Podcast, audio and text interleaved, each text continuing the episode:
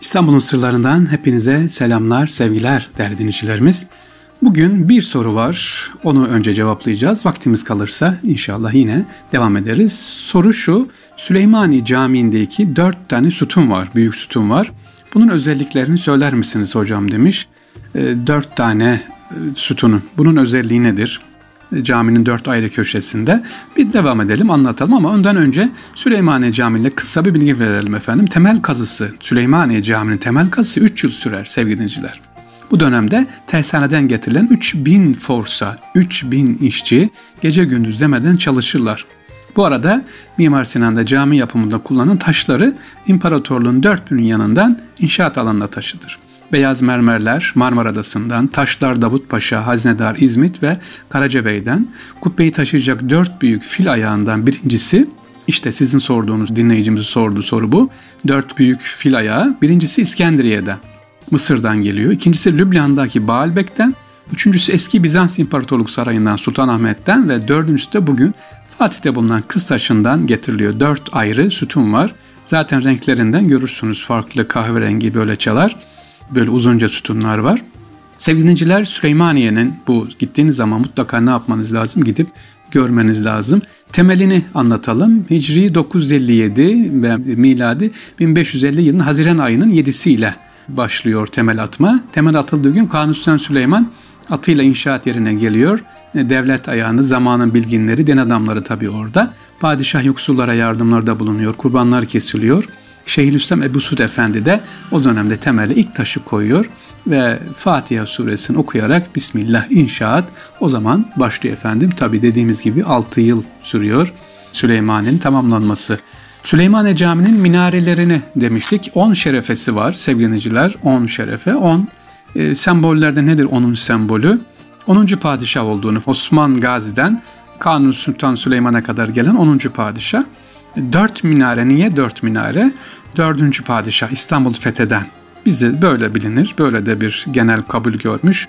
Dört minare Fatih Sultan Mehmet Han, İkinci Beyazıt, Yavuz Sultan Selim ve Kanuni Sultan Süleyman. Peki minareler ikisi önde, ikisi arkada. Niye uzun, niye diğeri kısa diye sorarsak sevgili dinleyiciler, Mimar Sinan işte burada güzel bir estetiği kullanmış elimizi dua yaparken nasıl açıyoruz Allah'a açılan el şeklinde değil mi? Sağ el, sol baktığımız zaman baş parmaklarımız işte e, sağ ve sol baş parmağımız nedir? Minarenin alt minareler, yukarıdaki dört parmağımız ise arka taraftaki minareler. Yani cami Allah'a açılan el şeklinde yapılmış. Ondan ne yapıyor sevgili dinleyiciler? Bir sembol, dua şekli. Uzaktan baktığınız zaman nereden bakarsanız böyle minarelerin küçüklüğü büyüklüğü sanki Allah'a açılmış ev ana giriş kapısından görürsünüz. Yine bir hikayemiz var sevgili. Cevahir minaresi dediğimiz ne demir nedir bu? İran Şahı Tahmasam içinde mücevherler bulunan bir sandık gönderir ki niye? Caminin harcında bizim de katkımız ola diye zümrütlerin bulunduğu bir çekmeceyi elçisi aracıyla Kanuni Süleyman'a yollar. Padişah bu davranışa çok içerler. Sanki paramız yok da mı bu geldi diye hediyeyi kabul eder. Sinan'ı yanına çağırır Mimar Sinan'ı. Bunları al dostumuz İran Şahı e, Tahmasan'dan cami harcına katkıda bulunmak istiyormuş. Bunları yollamış. Dileğini yerine getir bakalım der. Şimdi ferasete bakın sevgiliciler. Kanuni Süleyman diyor ki al bu taşı. İran Şahı diyor ki harcına katkıda bulunsun diyor. Yani camiye yardım göndermiş. Mimar Sinan'a da böyle diyor. Dileğini yerine getir diyor. Sinan hemen anlıyor durumu ve bu çekmecede ne kadar ne yoksa herkesin gözü önünde kocaman bir taş havan içine alıyor. İzleyenlerin şaşkın bakışlar içerisinde döve döve toz haline getiriyor ve harcın içine boca ediyor efendim. Evet, e, aradan tabi yıllar geçiyor. Cami inşaatı halen sürmekte.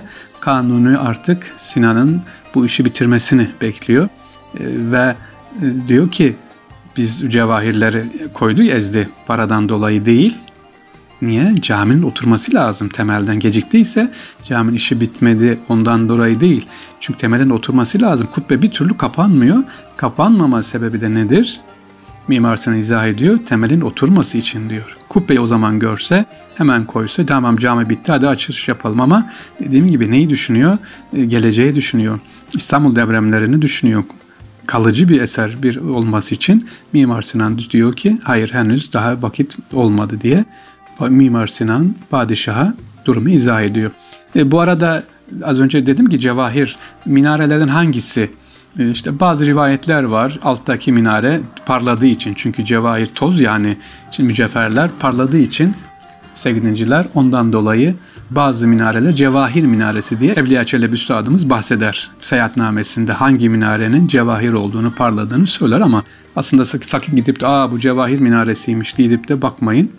O bir dediğimiz gibi üstadımızın Evliya Çelebi'nin orada yazmış olduğu e, hikayelerden bir tanesidir. E, minarelerin hepsi aynı güzellikte, aynı estetikte yapılmış. Allah Mimar Sinan'dan, yaptırandan, burada namaz kılanlardan hepsinden razı olsun inşallah. Evet sevgili dinleyiciler, Süleymaniye'den bahsettik. Süleymaniye tabii çok pahalı yapılmış. Şimdiki parayla baksak 3 milyon dolar civarında öyle bir rakam bir ara okumuştum. 3 milyon dolar civarında yapıyor. Şimdi 3 milyon dolarımız olsa biz yaptırır mıyız bir Mimar Sinan gibi? Bir mimar bulsak bir Mimar Sinan gibi Süleyman'ı yaptırır mıyız? Ben bunu bir e, büyüğümüze sormuştum efendim böyle böyle şimdi yapılır mı diye. Çok güzel cevap verdi. Cevabı da şöyleydi. Evet cami hizmeti güzeldir. Ama bizim için esas olan nedir? O camiye girecek olan kişilere de ne yapmamız? Yetiştirmemiz lazım. Cami var, yapılır. İçine de girecek olanları da ihmal etmeyeceğiz. Onlara da yapacağız. Cami aynı zamanda bir okul olacak.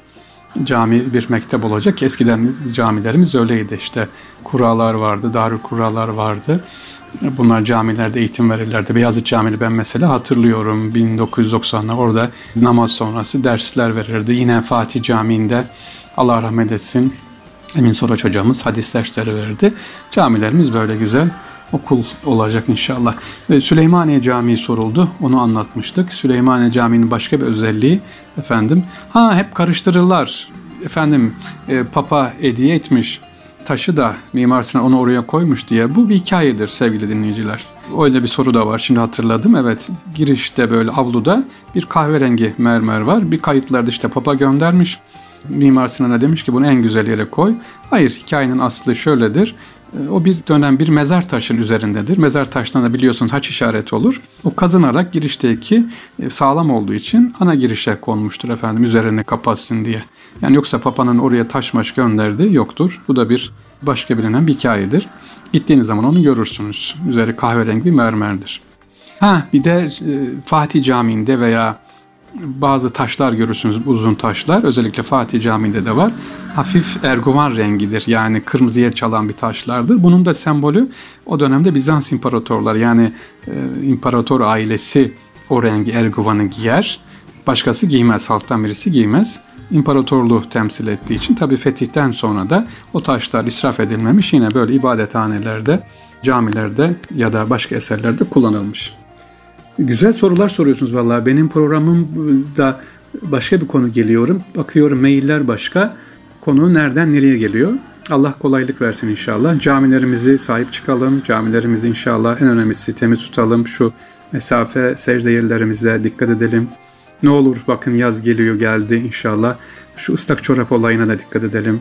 Bazı camilerde görüyorum uyarılar var. Islak çorapla girmeyiniz, işte çıplak ayakla girmeyiniz. Hele hijyen, sağlık bu dönemde ne olur bunlara sevgili kardeşlerim inşallah dikkat edelim ve yaz Kur'an kurslarına da çocuklarımızı camiyi sevdirerek alıştıralım inşallah. Allah'a emanet olunuz.